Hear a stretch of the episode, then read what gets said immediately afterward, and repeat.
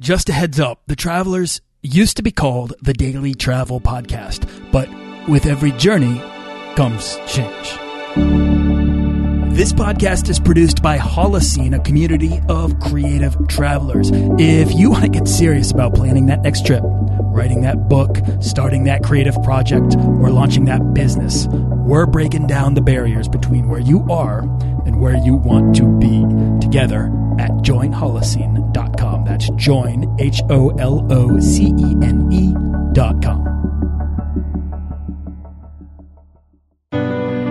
This is episode 108 with photographer Eric James. Do you want to travel further and more often to visit new places and meet new people and expand the role that travel plays in your life? I'm your guide, Nathaniel Boyle, an explorer that wants to help you get out, see the world, and find meaningful, life changing experiences. Everyone wants to be adventurous and have great stories, to do the stuff of legend. This is the Daily Travel Podcast. Today's free travel resource is going to be my own ebook, The Beginner's Guide to Points and Miles. And I wrote this because I felt like there weren't enough sites out there paying attention to the people who felt overwhelmed. So I put together 10,000 words. That's 40 pages on how to get started traveling for as close to free as possible. This podcast is about crushing the things that prohibit us from making travel a bigger priority in our lives. And cost is at the top. Points and miles are the best way I know to get over that hurdle and become an explorer of the world. This book is yours completely free at dailytravelpodcast.com.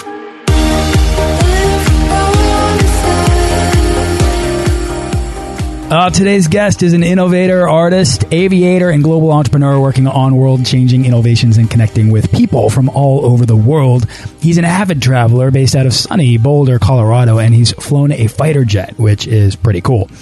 Oh, and he's uh, tentatively set to be one of, if not the first photographer on Virgin Galactic's early commercial space flights. I've been kind of itching to get somebody on here to talk about space tourism, and I'm hoping that Eric can scratch that itch. Uh, I'm hoping to discuss Eric's background, his fear of flight, how he got a spot on that voyage, what his vision is for the project, and what expectations he might have for being one of the first to participate in a new form of tourism, space tourism. Uh, anyways, Eric James, thank you for coming on the show. Hey, man. It's great to be here. Thanks for having me on. Awesome. So I gave a brief overview of you, but let's start simple. If you could just introduce yourself, tell us who you are and how you got started traveling.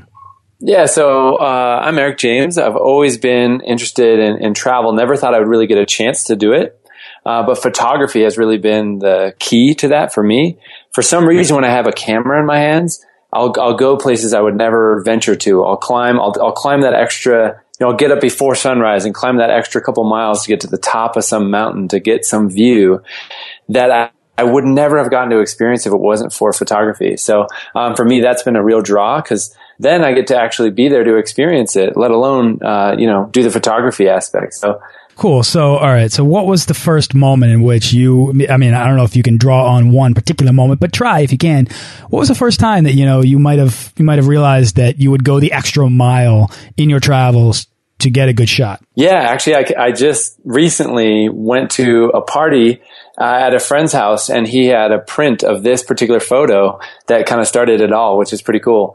Um, so, a group of us got a chance to go to Portugal um, which was really, you know, pretty far away for me. Um, I had been to Europe maybe once before and uh, went down to Portugal with a group of friends, and I set the intention, you know, I, I, would like to to test my skill and see if I could actually be a photographer. So my goal was to take, you know, what I considered like at least one great photo while we were down there. And so I explored the coastline, and and I I just found myself very motivated was climbing in and out of caves and and and just all this. And I found this one really really cool cave. Um, I went back the next morning at sunrise, and it was um, full of water. so uh, the tides weren't right. So then I looked at the tide charts and.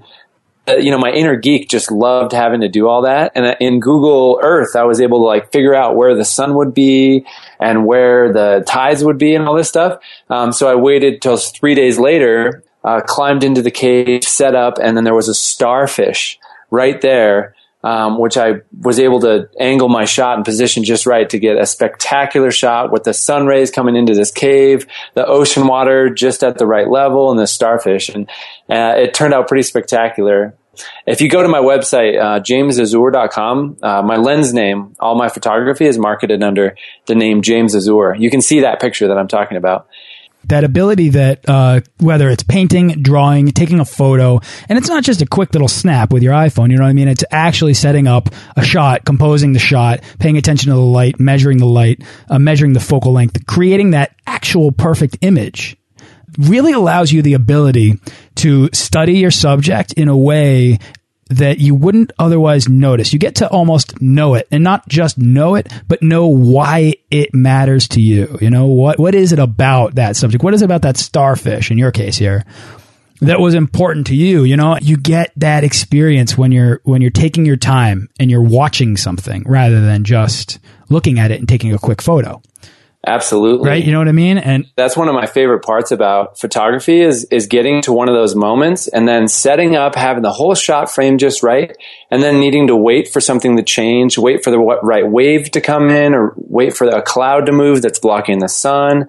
And it's the most peaceful that I ever feel in my life because I'm just on pause and I'm somewhere gorgeous and I'm just taking it all in. I have no other to dos, no other tasks, and I can just be totally free. And that's a, a real gift that photography has given to me. So I, I, definitely get it. Sure. Photographers can be, because they take their time to be kind of, to contemplate the moments of where they are and the images that they're trying to capture, they can be very studious, very contemplative people. Yeah, that's true. Right. So that's really cool. So how did you get into photography to begin with? Um, let's see. I mean, I always loved it. Uh, my dad always had a camera with us. He always had an old Canon SLR and he always printed his photos and had them around the house. And that was a big kind of reason for him. He would do four wheeling, off roading. And, and so as a little kid, I was just kind of always around it. But then in high school, my high school had an old, uh, uh, chemical enlarger photo lab. So you actually got to to project the image from the negative onto a piece of photo paper and then put it through the chemical baths and, and all that. It was really, really cool. So, um, I really fell in love with it in high school when I got a chance to, to actually develop and, and see how it all started. So that was awesome. That is awesome. So at what point did it become a serious thing for you? Do you consider yourself a professional photographer? Um, yeah, I would consider myself a professional. I do make, uh, make money from it, but, um, I also own a printing company that's uh, um, an even more substantial portion of my income. So they're related. I mean, I started the printing company out of a love for for photos and just imagery in general, and wanting you know an excuse to buy a giant printer so I could print my photos as big as a wall. awesome. So, um, in that sense, I would say uh, I, I, do. Um, Take a step back and tell us exactly where where'd you grow up, and uh, you know, did you get started traveling early on, or is this something that you kind of got into later on with photography? Yeah, so I, I, was born and raised in uh, Fort Collins, Colorado, and moved to Boulder for high school. And uh, in high school, it's interesting. I remember thinking about you know hearing people that were going on trips to Italy that like were in the Italian class and um, or Spain or and, and it sounded absolutely impossible to me, uh, legitimately. And it kind of had that that feeling of in the Truman Show, Jim Carrey, um, I think it's his character, yeah, is looking at a map of Fiji. They have a map of Fiji, and he, he thinks about like, I'd always want to go to Fiji, but they made it somewhere so far away that he would never want to go. That's kind of how I, I figured it felt about the whole world. It just I wanted to go, but it felt too far away and too big and too scary.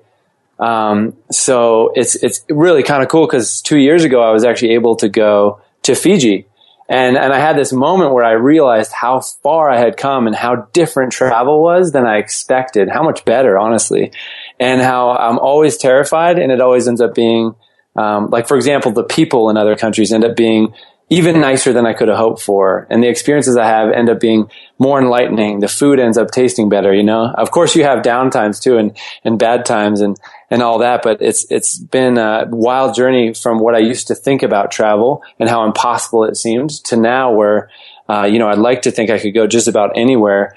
Um, and and have fun and, and get to know people, whether or not I speak their language, and so that that's really been a cool journey. Well, the more you travel, the more you step outside of your comfort zone and you go further into your journey, the more you kind of become that best version of yourself, right? Once you recognize what you're capable of, you want to continue to challenge yourself more along the way because you pick up the travel bug. That's what the travel bug is. It's that itchy wanderlust. It's that, you know, that taste of dopamine that comes with any new experience. You know, we realize that we feel more alive in those few moments, you know, in Fiji, tasting the food that's there than in the majority of time that we spend living our routine lives at home, having the same dinners, you know, over and over again in a, in a cycle. Yeah, I think uh, entrepreneurship and travel both have this element of amplifying the human experience, which gives us, you know, if you think about life as us kind of shaping our souls, carving out who we want to be and who we are on the inside, it's like entrepreneurship and travel are the two greatest things I've ever seen to do that. You know, it brings you right to that, puts the chisel in your hand and is like, who do you want to be? What is this about for you? And it, it's like puts it front and center. You can't ignore it. And yeah, it's awesome. Yeah. What's, what's kind of interesting about that is they both deal with both entrepreneurship and travel. They both deal with, uh, this struggle with discomfort and how to become comfortable with uncertainty, right? And they both thrive and rely on your performance in those times. Now, the difference might be with entrepreneurship, you have the chisel in your hand and it's your project, it's your, it's your creation waiting to happen. Whereas with travel, you can almost let go a little bit more and allow the, the stories happen to you. You know, you can allow the experience to change you.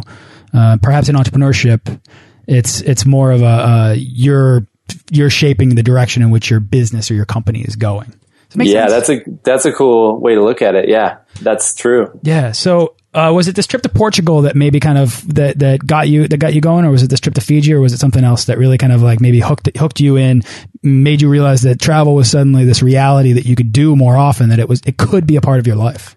Yeah, yeah. I think the trip to Portugal was a tipping point. I had traveled a, a little bit before then to the Caribbean, and uh, I'd been to England so one time, uh, which was terrifying, hopping on that plane for the first time, a flight that was that long, you know, uh, doesn't seem like too big of a deal anymore, but at the time was pretty, pretty terrifying. But in Portugal, I don't know, it was, I was with a group of friends and somewhere really, uh, different in my imagination, you know, than I ever thought I would go, you know, going to South America, these type of things. And like, okay, I really want to push my, comfort zone and this isn't like a one time thing. I want to do this forever. This is like a part of being alive is, is traveling and experiencing all these new things and new people, um, and art and culture and, and all the greatness that comes with travel.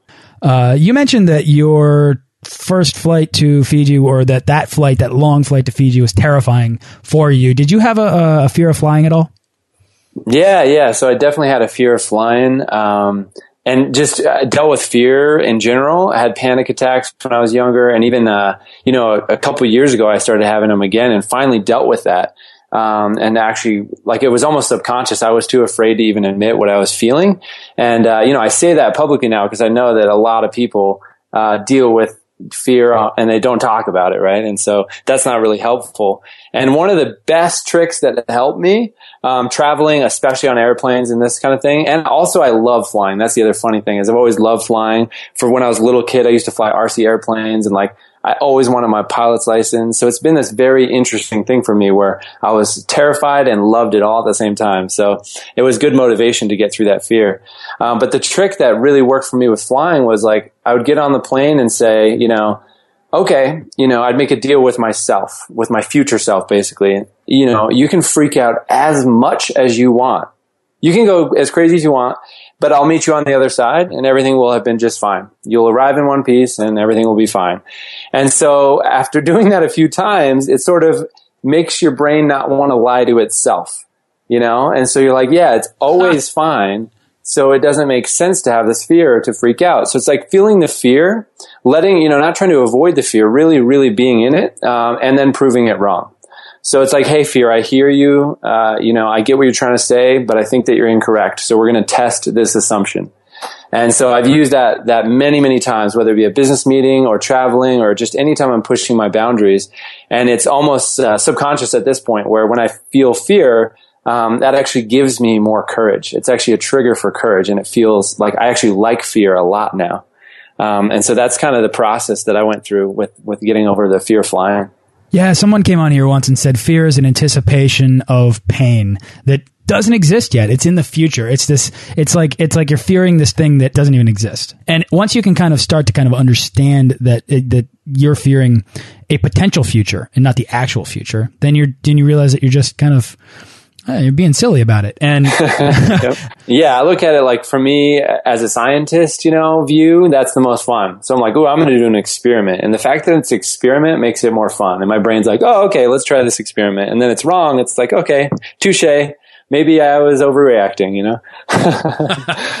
All right. So, and well, it's, it's really funny to hear you say that because not only did you have this fear of flight, but you're also now, you, you, you fly, right? You have a pilot's license? Absolutely. Yeah. So I have my office at a, an airport hangar, a local, um, airport here. It's a smaller airport with like private jets, and uh, and I met you know my one of my best friends, Brandon. He and his dad have a private uh, fighter jet that they bought from the British military, and uh, and so I've actually you know gotten to fly not only Cessnas but actually get to fly uh, this fighter jet and um, all kinds of other really really cool toys and I I freaking love it so it's uh, the reward on the other side of of getting over fear is like totally worth it. sure. Well, did learning how to fly uh, alleviate or perhaps eliminate the fear of flight? I don't think so. My fear was uh, unrelated. It was more like the fear of letting go of control. I'm in, I'm in this magical yeah. tube for the next yeah. eight hours, no matter what. You know, I have no control over what else happens. Um, if actually flying a little Cessna or something, I feel like I'm in control. So it's a little bit of a different component. Um, but I think that overall, now that you mentioned that, I think it, the connection probably did help. I know what's going on. I, even if I'm not in control, I, I, I, have an understanding that that definitely helps. All right. So, Eric, we're talking about travel, we're talking about all this stuff, but we got to touch base on this potential opportunity that you have to jump on board Virgin Galactic's, what is it, Spaceship Two? Is that what it's called? And um, travel 62 miles up into outer space before it teeters its way back down into the atmosphere, right? Um, not only do you get over your fear of flight, but you have the potential to go to a place that scares the crap out of most people. You know? I, mean, I, mean, it really does. That is going to freak a lot of people out. I really would love the opportunity, but I'm not sure I could keep my calm on board so just tell me about how did this come about? Where, you know, what happened that, that has given you this? Well, tell us about the opportunity and how, uh, how it came about. Yeah. So, uh, it's kind of a cool, cool story. Um, I always talk to people about like goal setting and setting intentions and and you know making decisions you know no matter how big the goal seems. Um, and especially i have this kind of theory that the bigger the goal the easier it is to achieve. And it's kind of counterintuitive. So i was doing some goal setting actually on an airplane. I was flying back I think from Grand Cayman to uh, Dallas or something like that. And I was doing some goal setting and I was like, how do I take this um, storytelling, you know, this celebration of Earth to the next level? You know, because that's really what I'm doing. I'm I'm going around to these gorgeous spots, and and and I started thinking about it. Like if I was flying through space, and you know, as human beings, if we were scouring space to try to find a planet for us, and we came upon upon Earth, we would be like, "Oh my God, that's utopia! Like this is." this yeah. is it. This place You're is right. gorgeous. Like it has everything we need. It's the right temperature, you know, it's got dolphins and waterfalls and it has all the food we could ever need. It provides everything that we need. It's like literally we're already on heaven. We just have to like not ruin it. Uh, I've always heard that astronauts had this experience where uh, when they go into space, that's it. Like it changes them to the bone, like to the core they get that and they can't forget it. They, they, look around at Earth differently, and you find that when they get back, they're very into um, sustainability and things like that. So I was like, I would I would love to have imagery that could express that emotion that those astronauts feel. And I would like to do it through abstract photography and, and do some light paintings and some other things like that that um, could maybe evoke the emotions rather than being just purely photojournalistic, like all the NASA images that we've seen.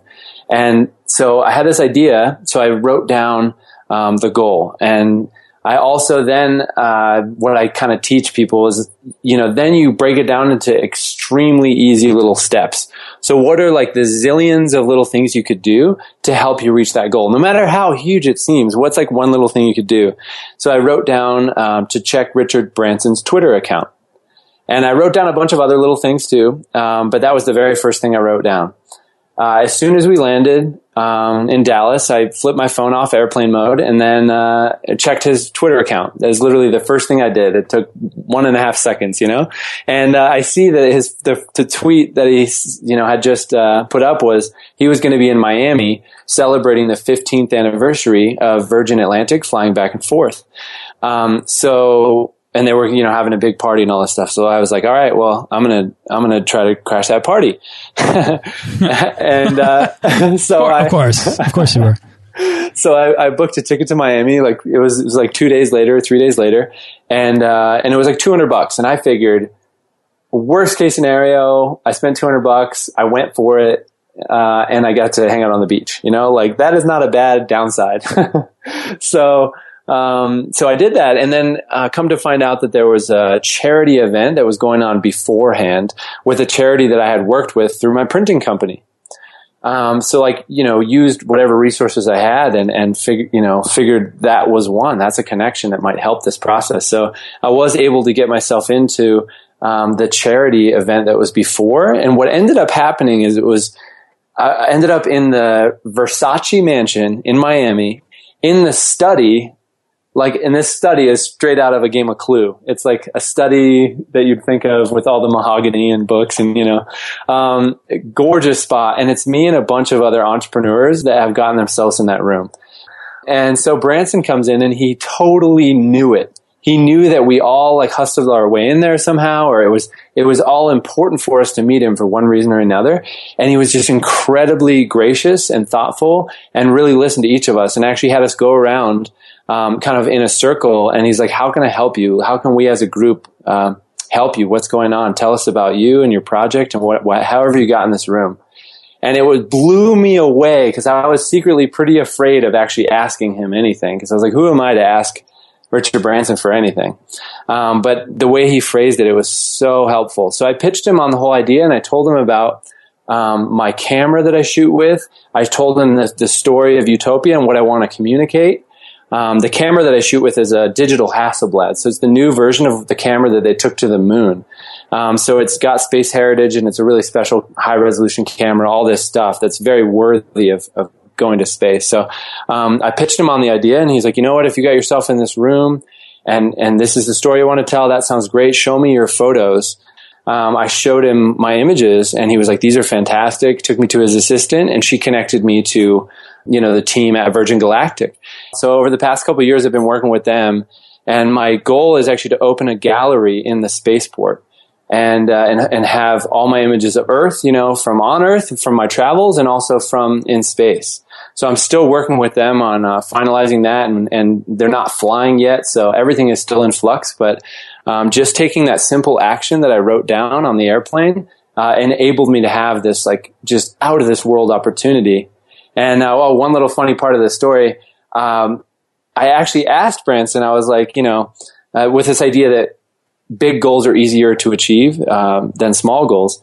Um, I asked him how many people actually asked you the same thing. How many people have pitched you on this? And he said one other person. So I had a 50-50 chance, you know, which is like way better than if I tried to get a job at Taco Bell, you know? So it like proved that to me. I'll never be able to believe in it anything else, you know? Well, you were offering to add value to him, you know, by setting up a gallery at their spaceport. That would be a really nice thing for any future tourists when this thing becomes something that is actual, you know, actually affordable for, for some people. And then the other thing is you weren't afraid to ask, you know, and I think that impresses everyone, not just you know somebody like Richard Branson, but everybody's impressed when somebody's uh, willing to go out. They they they see what they want out there and they go out and they take it. They give themselves a permission to be bold and to take those steps, whether that is asking Richard Branson to go to space or, you know, just asking yourself for the permission to go and travel. None of that would have happened if, if you hadn't been blind to the potential failure involved. You said it really well. Most of my uh, success has actually come from, like my friend Phil calls it dumb action. Like this idea of taking action towards the attainment of your goal, moving towards what you want, even if you don't know what the heck you're doing, just taking some action is super important. Of course, uh, I might take the wrong action because I don't know what I'm doing because I've never done it before. And that's like the whole point that we get as little kids, but sometimes we lose. So it's just that idea of being willing to attempt the thing. Doesn't mean you'll be successful, but in the attempt, um, something awesome always happens. And a lot of times it's uh, it's not as hard as you think to to get the bigger, bigger goal. I think it's Tony Robbins has a saying like, you know, if you, uh, if you plan it, it becomes possible, but when you schedule it, it becomes real. So it's like, you gotta just bet the bullet at some point and schedule it and then you will do it, you know? Once you book that ticket or you book that tour or you buy that, whatever it is that, that, uh, you get that visa for a particular date that you have to be in Russia, you know, that then becomes your ticking clock. And then you have to align the rest of your life to meet that one point in time that you have to reach to. And that can be really an exciting game to play. It could be a good way to go about exciting yourself and forcing yourself into taking action, which is really cool. And that doesn't have to be just travel. That can be anything you want in life. True, true. Awesome. All right. So where do you stand now with regards to Virgin Galactic? What are you waiting to hear? So they're doing the flight testing right now, and it's they haven't done one to space yet. Again, in the new version, but once they do, things are going to start happening pretty quickly. Um, so, kind of, I'm keeping in touch with the spaceport and uh, and just making sure my you know everything's aligned on that end, and just waiting to see how things shake out. Um, trying not to uh, bug the folks at Virgin Galactic too often because they're pretty busy um, a lot of celebrities, a lot of different people are getting involved. So um, it's going to be very exciting as soon as uh, as soon as it all starts happening. So basically, I'm in a holding pattern and uh, just continuing to get more and more excited about the opportunity. I bet, I bet, man. So I, I, wish you, I wish you luck. I hope that this, you know, materializes for you and it becomes that thing. Uh, it sounds like it will. It doesn't sound like there's that much uh, that could get in the way, except for their inability to fly. They just have to get that thing up in the air, right? Yeah. And get approved and get approved. Uh, which I understand. It's the the problem is reentry, right? The problem is that they want to have uh, a hundred percent safe reentry pattern, which is whereas NASA had, I think, something like a three percent failure rate. Uh, they like they lost three percent of the people they sent up into space. Yeah, yeah, which is exactly how, what they predicted when they started the program. So, yeah. kind of interesting. That is interesting, but you can't fail. You can't fail three percent of the time when you're selling tickets commercially. Yeah, and I think that they get that uh, if they have an incident um, someday, that might be okay, but it needs to really be bulletproof or as bulletproof as possible for the first couple years. You know, just as a whole industry going to space is dangerous. Like I, I realize I'm taking a risk and I would be completely fine if, you know, it read on my tombstone, died going to space, you know, on a spaceship. That's kind of cool. But, uh, you know, it, it, as groups of people and as society, people might not, uh, might not take to that too well. So. no, mo most people are, are going to be scared out of their wits, even contemplating the idea of getting on a space, a spaceship, uh, and going into space. But, uh, you know, good on you for for identifying this opportunity, finding it, seizing it, grabbing it. Uh, Eric, Thanks. you know, is there? Yeah, you're welcome. Is there anything else you would, uh, you know, like to share before we wrap up? Uh, no, man, I think that's, that's good. Um, I guess I just launched my personal website, erictothemoon.com. So if cool. people want to check that out, uh, that would be awesome. Uh, there's a contact form on there. So if anyone has any questions or want to know more about Citizens for Space Exploration, which is like a group for non astronauts to kind of get involved in space, um, I can send some people some info about that. Uh, Eric, you know, where's your next trip or what's your next project? Um, let's see. Uh, the, my very next trip is I'm going to visit the Downtown Project in Las Vegas. And uh, Tony Hsieh, who's the CEO of Zappos, yeah. Um, he's a he's a friend of mine. I, I applied to study with him years ago uh, when he first opened Zappos um, and see how they were doing everything. And so they've opened up the Downtown Project, and it's incredible. If your listeners haven't heard about it, I would definitely suggest checking it out. And basically, he spent $350 million buying land and redeveloping uh, old old town like downtown Las Vegas, but from like a grassroots method. So whatever the community wants, that's what they build rather than this master plan design community and it's working really really well. And so there's there's some potential for Detroit and different cities around the world actually that could use this kind of model um, as like a grassroots way to grow a tech technology hub and you know reinvigorate the downtown areas that have been uh, devastated in certain cities very cool. Yeah, I, you know, I was just in downtown Vegas, and I, I preferred it to you know to the Strip pretty much. I, I would rather. I'm actually excited to go back to Vegas just so I can get away from the casinos and just go hang out where the culture is actually starting to blossom and where there are interesting restaurants and uh, places to live, nightlife, uh, stuff that's not so glitzy and a little bit more real. It's actual. You know, there's a, there's a large population of people in Vegas now, and Now they have a downtown to go to that you know isn't the strip, that isn't opulent. Yeah, I totally agree. I'm I'm I'm dying to go back just for that and not even awesome. remember the strip is there. yeah, totally. I completely agree. All right, Eric, I really appreciate you coming on the show. Thanks thanks so much for taking your time to be here. Absolutely, man. Thanks for having me on. It was fun chatting. Thanks for listening to this episode of the Daily Travel Podcast. For show notes and links to everything in this episode and more, head on over to dailytravelpodcast.com. Join our Facebook page of explorers and subscribe to our newsletter for the best deals and resources to help make your next trip life changing.